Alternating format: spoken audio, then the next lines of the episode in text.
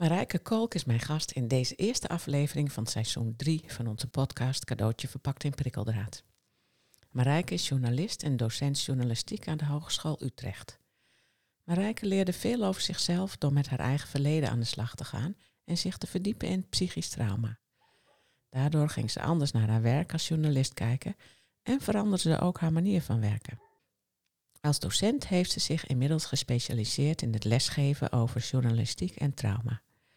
Ze heeft als missie om binnen de journalistieke wereld veel meer bewustzijn te creëren met betrekking tot psychische problematiek.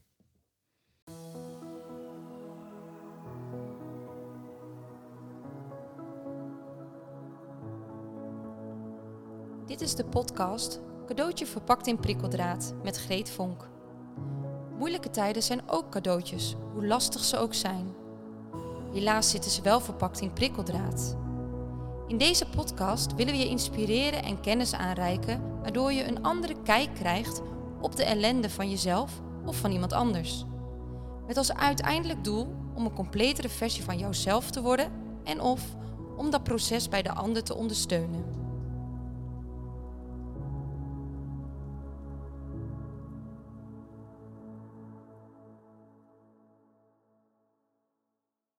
Marijke, welkom. Dankjewel. Wij zijn elkaar op het spoor gekomen, of ik ben jou eigenlijk op het spoor gekomen, omdat jij op uh, LinkedIn iets postte over journalistiek en trauma. En je had ook een boek geschreven, las ik later, met Margriet Wenting samen. En uh, dat is een boek wat door studenten journalistiek samen met jou geschreven. Dat heet Blootgelegd. Dat gaat over geef trauma een gezicht. Ja. En toen dacht ik, goh, dat vind ik interessant. Met die mevrouw wil ik wel een keer praten. Ja, nou, nou hartstikke leuk. En dat wilde jij ook. Ja, zeker. Dus um, daar is heel veel over te zeggen. Dus we gaan het over van alles en nog ja. wat hebben. Maar mijn eerste vraag is, wat heb jij met trauma? Nou ja, op een gegeven moment merk je je leven natuurlijk, dat komt voort uit je eigen ervaring uiteindelijk, bij mij in ieder geval. Op een gegeven moment merkte ik in mijn leven, god, er gaan toch wat dingen mis. Een burn-out uh, gehad, uh, wat depressieve gevoelens. En dan ga je zoeken waar komt dat vandaan? Zo ben ik ook in contact gekomen met Margriet Wenting, die uh, uh, opstellingen doet. En uh, daar een aantal weekenden geweest.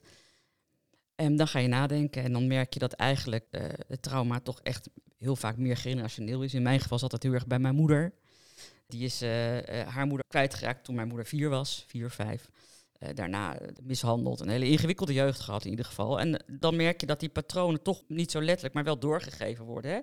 Hè? Zij wist niet goed wie ze was. En ja, ik denk als je niet goed weet wie je bent, dan kun je niet van jezelf houden, om maar heel eenvoudig te zeggen. En kun je ook niet op de juiste manier van een ander houden. En in dit geval deed ze wel heel erg de best om van mij te houden als kind, maar gingen er ook wel dingen mis. Nou, zo ben ik eigenlijk een beetje met mijn eigen trauma in contact gekomen en ben ik maar gaan verdiepen. En als je dan een aantal weekenden, een aantal cursussen bij Margriet doet, dan, uh, ja, dan leer je er een hele hoop over. En um, ondertussen was ik op de school journalistiek aan het werk. Dacht ik, ja, ik wilde eigenlijk ook wat meer doen met interviewen, met weer de diepte in. Hè. Het gaat er allemaal snel, snel, snel nieuwsberichten. En uh, toen zaten we op een gegeven moment in een restaurantje, Margriet en ik. En toen dachten we, nou, misschien moeten we dit combineren. Haar kennis over trauma, want zij heeft een enorme kennis daarover. En mijn kennis over uh, interview en journalistiek. En zo kwamen we eigenlijk bij het project waarin uh, 30 studenten van ons iemand met een trauma hebben geïnterviewd. En het heeft een prachtig boek opgeleverd, Blootgelegd. Ja. ja ik heb het uh, gelezen. Het is een heel rijk boek met persoonlijke verhalen, maar ook aangevuld met journalistieke verhalen, achtergrondverhalen, een aantal experts. Zeer aan te bevelen. Dankjewel, dankjewel. Ja. Maar je geeft daar dus ook les over. Je hebt ja. zelf heel lang uh, ben je journalist geweest. Ook nou ja, overal en nergens ja. gezeten, landelijke bladen enzovoort. Wat is voor jou zo belangrijk? Want drama en journalistiek, dat kies je niet zomaar. Wat is jouw bewegingsreden om dat te gaan doen? Nou, de, de, eerste reden was toen we met dit boek ook begonnen, met blootgelegd, was eigenlijk van nou, we willen dat trauma meer bespreekbaar wordt. Dus dat je daarover durft te praten nou ja, en, en, over psychische problematiek in het algemeen. Maar mijn mening is dat daar vaak een trauma aan ten grondslag ligt. Uh, en omdat ik geloof dat als je daar open over bent, echt binnen de samenleving, zelfs binnen de hele gemeenschappen, binnen de wereld, om het maar even groot te maken, dat als je daar open over bent, dat we meer contact met elkaar krijgen. En dat dat meer voor meer verbinding zorgt, dat dat voor meer begrip voor elkaar zorgt en dat dat de wereld gewoon beter maakt. Is misschien een beetje idealistisch, maar dat is wat ik wel geloof. Overigens was dat best moeilijk, want wij gingen dat natuurlijk doen in eerste instantie met studenten van 2021. Nou ja, ga er maar aan staan hè, als je 20 bent om iemand te interviewen die een uh, brand heeft overleefd of die zijn dochter is vermoord. Of, nou, het zijn hele heftige verhalen wat dat betreft. Maar uh, wij merkten dus, en daardoor ben ik ermee verder gegaan, dat het zowel de studenten heel veel bracht als de geïnterviewden. Hè, een student die tegen ons zei, ik ben niet alleen een journalist gegroeid, maar ook als mens. Ja, dat is het mooiste compliment wat ik in ieder geval kon krijgen voor dit project. Maar we kregen ook van geïnterviewde uh, mails die zeiden, ja, dit heeft bijgedragen aan mijn herstel. Dat een jong iemand vol oprecht interesse dit verhaal heeft, naar mij heeft echt heeft willen luisteren. Daar hebben ze natuurlijk ook wel in getraind, hoe doe je dat? Maar het werkte zo goed uh, we kwamen de eerste dag kwamen we aan op school en toen hadden we een hele map van mensen. Want we dachten, ja, die, die, die jonge mensen, dat is natuurlijk best moeilijk. Hoe vinden ze iemand? Hè? We gaan ze wel helemaal te coachen. Hoe doe je het? En wat is belangrijk? Uh, daar komen we zo vast nog op bij het interview van iemand die een trauma heeft meegemaakt. Uh, maar eigenlijk zeiden ze allemaal, nee, we weten zelf wel iemand. En de een zei, ik ga mijn oma interviewen die in een jappenkamp heeft gezeten. En de ander zei, nee, ik ga een vriendin interviewen die in de werk als psychiatrisch verpleegkundige iemand vond die zichzelf van het leven had beroofd en daar een trauma aan heeft overgehouden. En dat was voor mij echt zo bijzonder ook, dat al die jonge mensen dat zelf wilden doen. En dat zegt ook iets over ja, de behoefte die er ook ligt, ook bij jonge mensen. En daar begint het uiteindelijk toch, om daarover te kunnen praten, om daar iets mee te doen. Ja, mooi. We hadden natuurlijk een voorgesprekje voordat ik jou uitnodigde voor deze podcast. Ja. En in die zin zijn we, zitten we wel op één spoor. Ja, posttraumatische groei is eigenlijk twee begrippen in één. Het proces en het resultaat. En het resultaat kun je niet bereiken als je het proces niet doet. En het is er gewoon een nou, puntje, puntje, puntje proces, zeg ik. Ja. vul maar in. Maar dit soort dingen kunnen daar echt aan bijdragen. Dat als mensen hun verhaal kwijt kunnen, dat ze gezien worden, dat ze erkend worden, is heel belangrijk. Ik denk het wel. En ik denk ook hoe meer we in de samenleving met elkaar praten over wat ons is gebeurd. En dat kunnen kleine dingen zijn hè, bij jezelf in het verleden. Als jij als babytje te weinig aandacht hebt gehad van je moeder. Of andere dingen die je meemaakt als heel klein kind al. Of dat dat nou later in het leven is en je maakt inderdaad een natuurramp mee, om maar iets te noemen. Uh, ja, ik denk dat die bewustwording zo belangrijk is. En als je met elkaar praat daarover en elkaar ook daarover interviewt, doet dat dus niet alleen iets met de geïnterviewde, maar ook met jezelf. Dus hoe meer we erover praten, hoe gezonder dat uiteindelijk is voor ons allemaal. Daar ben ik van overtuigd. En ik denk het begint met bewustwording van je eigen trauma, wat ik net al zei, hè, want daarmee uh, leer je ook wie je zelf bent en dan kan je ook op de juiste manier van een ander houden. Maar het zit ook in de hele maatschappij. Als wij ons wat beter realiseren, uh, het is nu heel erg gepolariseerd bijvoorbeeld. Hè. Vinden dit, dit is een dader, dit is een slachtoffer. Uh, iedereen heeft een mening, kijk naar Twitter. Alles komt uit hetzelfde voort of je nou een dader bent of een slachtoffer. Dus kijk naar wat eronder ligt. Jij zei net van, hè, journalistiek gaat allemaal heel snel, snel, snel. Ik denk zelf dat als je anders kijkt naar trauma, uh, psychische problemen, veel meer vanuit het gedachtegoed van PTG, dan zijn dat gewoon waardeloze processen, maar ook enorme ontwikkelingsmogelijkheden. Dus je zit gewoon in een ontwikkelingsproces. Um, hoe kijk jij naar hoe de journalistiek daar nu mee omgaat. Waar staan we eigenlijk? Ja. Nou, dat is nog niet heel erg best, vind ik zelf. dat is natuurlijk ook waarom jij dat vak bent gaan geven. Ja, ja, ja absoluut. Nou, het zit eigenlijk in meerdere dingen waar het vaak fout gaat, zeg ik maar. Soms gaat het ook heel goed. Hè. Je ziet natuurlijk ook journalisten die dit heel goed kunnen. Maar het gaat ook nog heel vaak fout. En dat begint al bij, en daarom moet je het de jonge mensen leren, dat mensen überhaupt niet weten wat psychisch trauma is. En geen idee. Dat zie ik nog best vaak gebeuren. En als je niet weet, weet je dus ook niet hoe je ermee om moet gaan. Dus ik begin met in mijn lessen aan de studenten op school begin ik ook te zeggen bijvoorbeeld, hele eenvoudige dingen besteden we echt aandacht aan. Waar spreek je met iemand af? Waarom is dat belangrijk? Omdat je namelijk die ander daar ook een soort regie mee geeft en controle. En wat is er belangrijk van iemand die getraumatiseerd is? Die heeft heel erg de controle verloren eigenlijk. Hè? Dat is ook trauma, het verlies van controle. Dus wat doe je? Je geeft diegene de controle. Dus jij zegt bijvoorbeeld, waar wil jij afspreken? Wat vind je prettig? Maar je zegt ook, het zijn eigenlijk hele simpele handvatten hoor. Uh, joh, als wij met elkaar praten en je vindt het moeilijk, geef even een seintje. Of wat wil je dan dat we doen? Je wil je dan dat we even stoppen? Wil je dat we even gaan wandelen? Wil je dat ik even een glas water voor je haal? Dus die aandacht voor de ander en die ander die controle geven is al zo belangrijk en gebeurt heel vaak niet. Dus het begint eigenlijk al heel klein, gewoon met de manier van interviewen. Nou, en dan zie je in dat grote verband zie je het ook heel vaak misgaan dat het allemaal snel, snel, snel moet. Dan heb je bijvoorbeeld als er een, eh, nou, uh, zeg een, iemand staat te wachten op een vliegveld, want er is een vliegtuigramp gebeurd. En die weet niet of zijn partner daarbij is omgekomen. En een journalist zegt, hoe voelt u zich?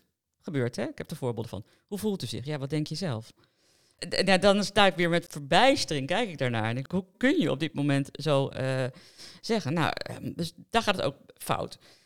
Nou, dat is het project, dat laatste waar we mee bezig zijn met Fonds Slachtofferhulp, slachtoffers in de media. Daar zijn volop mee bezig. Komt volgend jaar waarschijnlijk ook een boek, een website en een podcast over. Eh, maar daar gaat ook nog heel veel mis. Als je kijkt, ik neem even een voorbeeld. Hè. Dat is jaren geleden, misschien herinner je het nog, dat jongetje Ruben. Die was enige overlevende van een vliegtuigramp in Tripoli. Ja. Nou, was een telegraafjournalist. eh, die had contacten via via met de arts daar. En die belde het ziekenhuis. En die kreeg via verpleging, ik weet niet precies hoe het ging, kreeg dat jongetje aan de telefoon. Jongetje negen jaar oud. Wist nog niks en eh praatte met dat jongetje. En dat jongetje moest dus zo horen dat ze bij de ouders niet meer leefden. Nou ja, dan heb je dus een jongetje wat totaal getraumatiseerd is al. En dan krijgt er gewoon nog een trauma bovenop. Of iemand die in een talkshow zit, die niet weet, aan wie niet is verteld, dat er beelden van een bepaald ongeluk waar een familielid bij betrokken is, ineens in beeld komen. Dus die daarvan schrikt en die daar helemaal van gaat dissociëren. Ja, eh, d- er zijn echt talloze voorbeelden. En hoe meer ik hier bezig ben in dit project, hè, samen met de Fonds Slachtofferhulp en met onze opleiding, ja, hoe meer ik eh, eigenlijk versteld sta hoe vaak het nog misgaat. En dan maak je het dus nog alleen nog maar erger. Je maakt het erger, je maakt Ja. het echt erger. En eh, je krijgt een trauma op een trauma. En het andere deel, als je het over posttraumatische groei hebt, is dat ik ook nog eens vind, is een beetje een ander onderwerp misschien, is dat mensen ook te weinig worden aangesproken op hun gezonde deel, zal ik maar zeggen. Dus hè, wat jij ook in je boek schrijft, eh, waar heb je wel steun aan gehad? Wat helpt je wel? Dat is ook heel fijn voor mensen om te vertellen. Wat heeft je hierbij wel geholpen? Maar ja, die vragen worden vaak niet gesteld. En dat is heel erg jammer. Nou, ons derde boek is nu ook in de maak. Die komt na de zomer uit. En ehm, die heeft als ondertitel van klacht naar kracht. Ja, mooi. Ja. Die heet overigens, dan mochten mensen dat luisteren, die heet net zoals deze podcast, cadeautje verpakt in prikkeldraad. Maar je kunt mensen alleen maar benaderen op hun klachten. Maar dan zie je nog niet de helft. Veel minder zelfs nog dan, dan de helft. Hè. De topje van de ijsberg is het klachten, maar wat eronder zit is zoveel. Er is zoveel meer. En het helpt ook niet, om dat Ja. proberen we dus ook in die boeken met de studenten te doen. Het helpt ook niet om daar alleen maar op te focussen. Het helpt jou ook als luisteraar of als kijker of als lezer niet. Wat helpt jou om te horen hoe iemand er ook weer uit is gekomen. En natuurlijk, het is een wond die je altijd met je meedraagt. Hè. Ik geloof niet van, oh, eh, hoe heb je het opgelost? Of welk vakje heb je het gestopt? Of eh, ik heb het een plek gegeven. Daar geloof ik niet zo erg in. Ik geloof dat je zo'n wond met je meedraagt. Maar hoe draag je dat met je mee? En hoe heb je dat gedaan? Dat is wel een hele relevante vraag. Ja, wij hebben het dan altijd over, het is wel grappig wat je nu zegt, van ehm, emoties moet je net zoals voedsel verteren. En dat is ook zo. En zo'n wond kan dus heel goed helen. Maar het plekje geven is best een ingewikkeld woord. Dus wij hebben het veel liever over, ja, je integreert het in je leven. Ja. En je neemt het mee en daar, ja, je zult er nare herinneringen aan hebben. Of misschien is het op een gegeven moment gewoon een constatering geworden. Dan is de emotie is allemaal verwerkt. Maar leuk gaat het nooit worden. Leuk gaat het niet worden. En wat jij zegt, natuurlijk kun je eraan werken. Hè? En om die emotie te doen afnemen, kan je EMDR doen of andere therapieën. Maar het blijft wel een litteken. Ik zie het als een litteken. En soms wordt dat litteken even overgekrapt door iets wat je weer meemaakt. En dan gaat het weer even bloeden. Maar komt het wel weer goed. Het gaat wel weer beter. Maar het blijft wel een litteken. Maar dat is ook niet per se altijd erg. Bedoel, je wil het liever niet. Hè, tuurlijk eh, zou je zeggen, ik heb het liever niet, niet meegemaakt. Maar uiteindelijk, en daar geloof ik wel, en dat vond ik heel erg mooi, mag ik er even bij pakken in jullie boek. Ja, dat je zegt van ja, er zijn wel dingen, dat weet ik ook uit eigen ervaringen. Ik vond het een mooie opsomming. Eh, Die vijf groeigebieden, hè, veranderingen in relaties met anderen. Ik zie dat ook echt mensen die wij interviewen na een traumatische ervaring. En als ze het aan hebben gekeken en ermee aan het werk zijn gegaan, dat is denk ik wel een voorwaarde. Hè, ervaren van nieuwe mogelijkheden, ervaren van je kracht, eh, anders in het leven staan. Ja, dat vind ik mooi dat je dat in dit boek ook aanhaalt. Want dat zie je toch ook vaak wel gebeuren, ja. Precies. Ja, met het risico, en dat gebeurt natuurlijk ook op grote schaal, mensen die met dit soort dingen bezig zijn, dat dat geromantiseerd wordt. Hè? En dat is natuurlijk, daar gaat het ook echt niet over.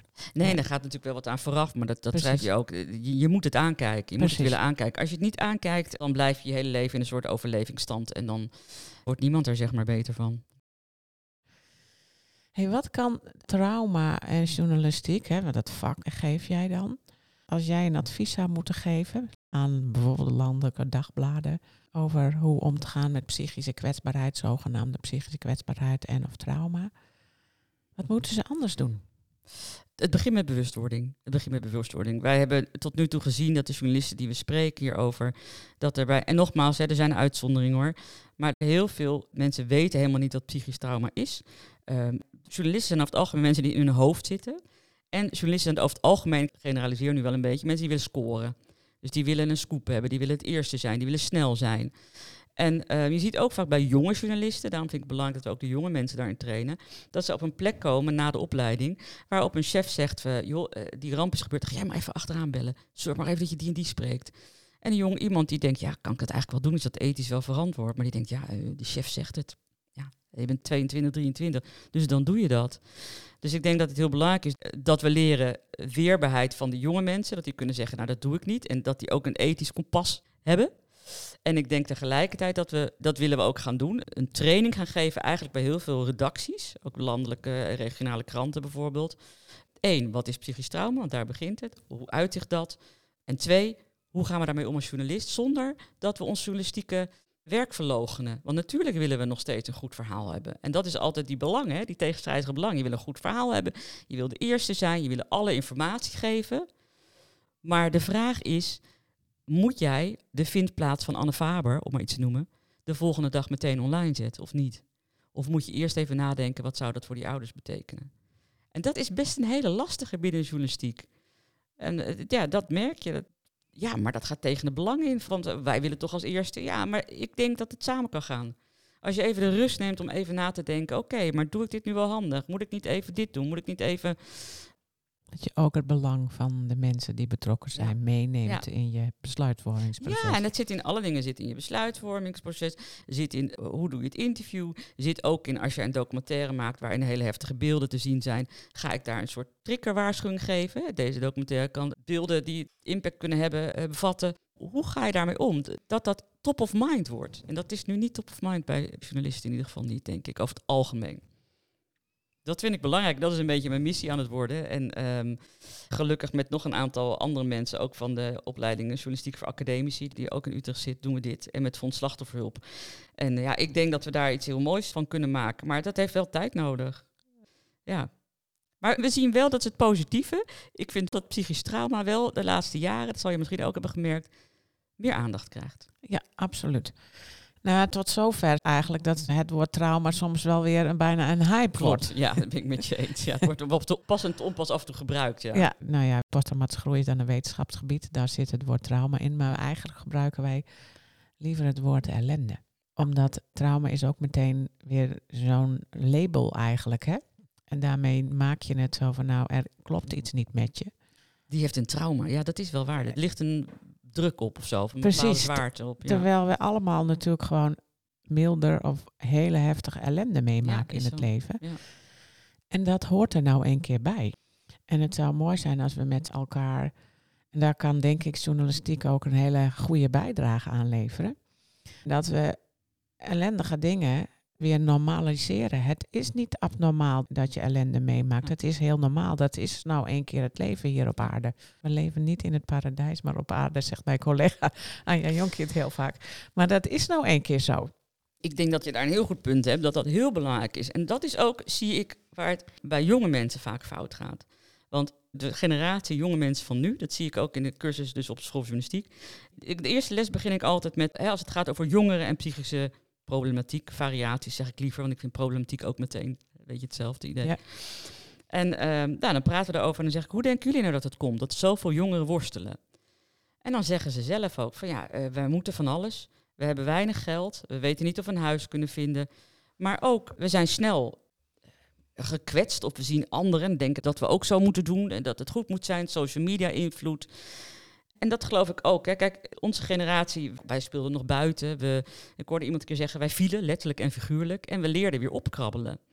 En dat is wel een probleem bij de jonge generatie. Die leren niet meer te vallen en daarmee ook niet op te krabbelen. En die weerbaarheid is wel, daar maak ik me wel een beetje zorgen over, moet ik eerlijk zeggen. De beeldvorming daarom, daar hadden we net in het voorgesprek ook over. Nou, dat ga jij nu ook doen, of dat doe je. En ook een traject over psychische problematiek onder Ja. jongeren, dat ze elkaar daarin eh, interviewen. Eigenlijk is het, als je moeilijke dingen meemaakt in het leven, of als je problemen ervaart, dat is eigenlijk niks anders dan een een moeilijke periode, maar het is ook een ontwikkelingsfase, niet meer en niet minder. En ik denk dat je daar helemaal gelijk in hebt. Dat we dat ook aan jonge mensen en aan kinderen mee mogen geven. Dat hoort bij het leven. Je valt en je leert weer op te staan. En de ene heeft natuurlijk veel meer pech dus maar zeggen, dan de ander. Maar eh, je kunt niet denken dat alles van een leien dakje gaat en dat dat er niet bij hoort. En dat vind ik jammer, dat eh, bij de jongeren nog steeds dat ze schrikken. Van, oh, ik heb paniekaanvallen. Oh jee, oh, wat nu? Of ik heb eh, depressieve gevoelens. Oh, dat kan niet. En ik zei tegen jou ook even toen we hiervoor praten. Ik zeg dan, de eerste les dit keer zei ik tegen ze... oh, nou, het is toch wel een hoop veranderd, hoop ik, zei ik. Want toen ik uh, jullie leeftijd was, toen ging ik voor het eerst naar een psycholoog... en ik met mijn mutsje op en dacht ik... als ik maar niemand van school tegenkom, schaam me dood. Als ik maar niemand van school tegenkom, dat ik naar een psycholoog ga. Nou ja, toen zeiden ze niet zoveel, maar toen bleek wel dat niemand wilde met naam of met foto in dat boekje wat we gaan maken. Dus in die zin dacht ik, is er nog helemaal niet zoveel veranderd. Er is een enorm taboe nog steeds. Enorm, ja. Ja. En hoe kan de journalistiek nou bijdragen om dat te veranderen? Kijk, ik zou het liefst zou ik zeggen, joh, eh, kom er allemaal vooruit, plaats je foto. Dat kan ik niet doen. Als mensen dat niet willen, dat snap ik ook. Dat is Ja. nou eenmaal wat het is. Maar wat kunnen we wel doen? We kunnen ze wel een verhaal laten vertellen. En met elkaar in gesprek laten gaan. En dat helpt al heel erg. En ik geloof heel erg in met elkaar de dingen delen. Alleen ze moeten er wel een beetje toe aangezet worden. En dat is wat ik op kleine schaal dan probeer te bereiken. Dat ze die gesprekken met elkaar aangaan. En ja, ik geloof om dat een beetje suffe woord maar te gebruiken, dat dat wel heel helend is voor iedereen. Eigenlijk zou je een soort campagne moeten doen, journalistiek gezien, denk ik wel eens. Van, Ja. Dat mensen weer uitgenodigd worden om gewoon met elkaar te praten. En ehm, misschien moeten we dat wel een keer gewoon gaan doen. Ja, en, en, en laat, ja, nou misschien moeten we dat doen. En laten we vooral ook artikelen blijven publiceren. Ik heb jaren geleden hoor, maar moet ik nu ineens aan denken, voor het Algemeen Dagblad, eh, drie mensen geïnterviewd die een tijd in de psychiatrische inrichtingen of psychiatrische afdelingen van het ziekenhuis hadden geleefd. En dat vond ik ontzettend stoer. Die mensen die weer heel erg pagina groot gefotografeerd. Die werden, dat vond de fotograaf mooi, aan de bovenkant bloot om hun kwetsbaarheid te laten zien. waren hele mooie foto's. En die vertelden over dat stigma en over hoe ze daar toch mensen er oh nou die heeft in een, hè, oh, die heeft in een inrichting gezeten. Kan ons allemaal overkomen. Kan mij volgende week ook overkomen. Dat kan, dat gebeurt. En eh, ik denk, laten we ook dat soort verhalen gewoon vertellen. Zodat als we dat meer vertellen, dan weten we ook dat dat iedereen kan overkomen. En dat het niet iets is om je voor te schamen. Nee. Schaamte is iets heel een nare emotie, moeten we niet hebben. Nou, dan komen we over een onderwerp wat ik denk, wat ook heel interessant is, stigmatisering. Nog steeds. Er is nu heel veel aandacht in de, ook in de publiciteit voor inclusie. Ik zelf denk dan altijd, je bent al te laat. Want waarom moet je het hebben over inclusie? Mhm. Iedereen maakt ellende mee in het leven. En of je nou een trauma hebt meegemaakt of een depressie of wat dan ook. We hebben dat allemaal. Nou, niet, misschien niet allemaal, maar wij heel veel mensen. Hè? We weten uit onderzoek dat zo'n 80, 90 procent maakt ooit iets mee in het leven wat je als traumatiserend zou kunnen Ja. zien. Waarom moet je dan mensen die bijvoorbeeld een depressie gehad hebben of een psychose of wat dan ook, waarom moet dit die geïncludeerd worden? Het feit dat we dat al zo zeggen, zegt al genoeg, hè? Dat is blijkbaar nog nodig om dat te benoemen. En dat vind ik zo jammer. Hier zou ik heel graag aan een artikel ergens in de krant over aan meewerken. Nou, wie weet. We gaan het zien. Ja, ja. ja. Nou ja, wat je daarmee doet is pijn als abnormaal ja. te betitelen. En dat is het niet. Het is Nee. gewoon normaal. Maar dat doen we eigenlijk in de hele samenleving. En dan gaat het niet alleen over pijn, ook over mensen van een andere afkomst. We benoemen het te veel, terwijl het zou er gewoon moeten zijn. Dit is wie we met z'n allen zijn. Maar blijkbaar zijn we daar nog niet. Is dat nog iets wat, ja, wat zich moet ontwikkelen? Laten we hopen Ja. dat jouw bijdrage daar veel aan verandert. zou mooi zijn. Hoe zie jij dat pad precies? Ik heb net al een paar keer gevraagd hè, van hoe kan de journalistiek daaraan bijdragen? En jij gaf aan van ja, die zitten eigenlijk voortdurend in een spagaat van scoren, hè, de eerste willen zijn en, en Alles willen vertellen. en de zorgvuldigheid, hè, Ja. dat is de afwijking. Hoe kan je dat dan doorbreken? Ja, kan je wel doorbreken, denk ik. Maar het is, het is, het is niet makkelijk, dat zeg ik ook eerlijk. Daar komen we nu ook tijdens het proces achter. eh, het project met Fonds Slachtofferhulp. Maar het kan wel. En ik geloof echt dat heel veel begint. En dit ook met bewustwording, wat ik net al zei. Bewust worden. Oké, ik ga dit verhaal vertellen. Of dat nou op tv, op de radio of in de krant is. Oké, dit is een verhaal wat met iemand die iets ernstigs heeft meegemaakt. Hè, of het nou trauma noemen of iets eh, naars heeft meegemaakt. even rust, even pas op plaats, even denken, hoe ga ik dit doen? Zonder meteen in die snelheid te gaan. Van, hup, meteen bellen, meteen doen. Oh, dit laten zien. Bla. Alleen maar in die journalistieke modus, zeg maar. Dus neem ook eventjes die meer psychologische modus. Of even die rust. Om even na te denken, is dit nou handig en is dit nodig om te doen? En misschien ook je realiseren dat je soms misschien echt betere gesprekken krijgt als mensen ook met je willen praten. En als mensen een positief gevoel bij je hebben. En als mensen zien dat je niet alleen maar wil scoren. Misschien werkt dat soms ook wel positief voor de journalistiek. En daar moeten journalisten zich gewoon meer bewust van zijn, denk ik. Wij schrijven in ons boek en ook in al onze opleidingen hebben we het altijd over werkelijke aandacht en belangstelling. Dat kan zoveel verschil maken. Hè? Dat is eigenlijk wat jij nu ook zegt, dat ook in jouw, jullie vak, dat een enorm verschil kan maken. Iedereen wil gezien worden in het leven. Iedereen wil gewoon dat je aandacht hebt en echte aandacht voor wie jij bent. En dat is zo belangrijk. En ja, daar moet je als journalist denk ik misschien wel extra bewust van zijn. Ik geloof dus ook dat je daardoor wel de mooie verhalen krijgt. Het kan zelfs samengaan met als er een ramp is en je wil scoren.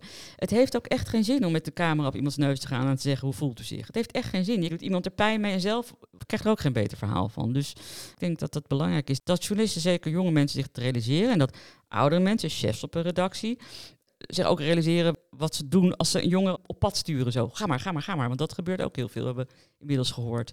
Doe maar, ga maar bellen. Nee, even eerst nadenken, even met elkaar een gesprekje erover hebben. Ja.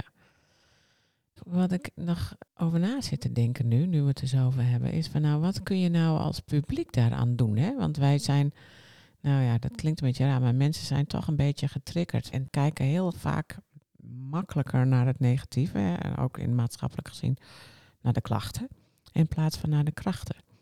Dus als je nou veel meer gericht bent op, als wij als publiek daar veel meer naar gaan kijken, dat je ook bewust bent van, hè, wat doet dit soort dingen met je?